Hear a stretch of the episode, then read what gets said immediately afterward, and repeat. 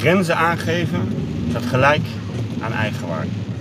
Elke keer als jij besluit, als iemand iets zegt of doet wat je niet prettig vindt, en je besluit om er niets van te zeggen, om de vrede te bewaren, weet je, of omdat het anders zo awkward situatie wordt, of ja, het is mijn moeder, of het is mijn zus, of weet ik veel, dan sta jij mensen toe, je staat mensen toe hè, om over je grens heen te gaan. Dan kun je achteraf wel gaan huilen, ja, ze gaan over mijn grens heen.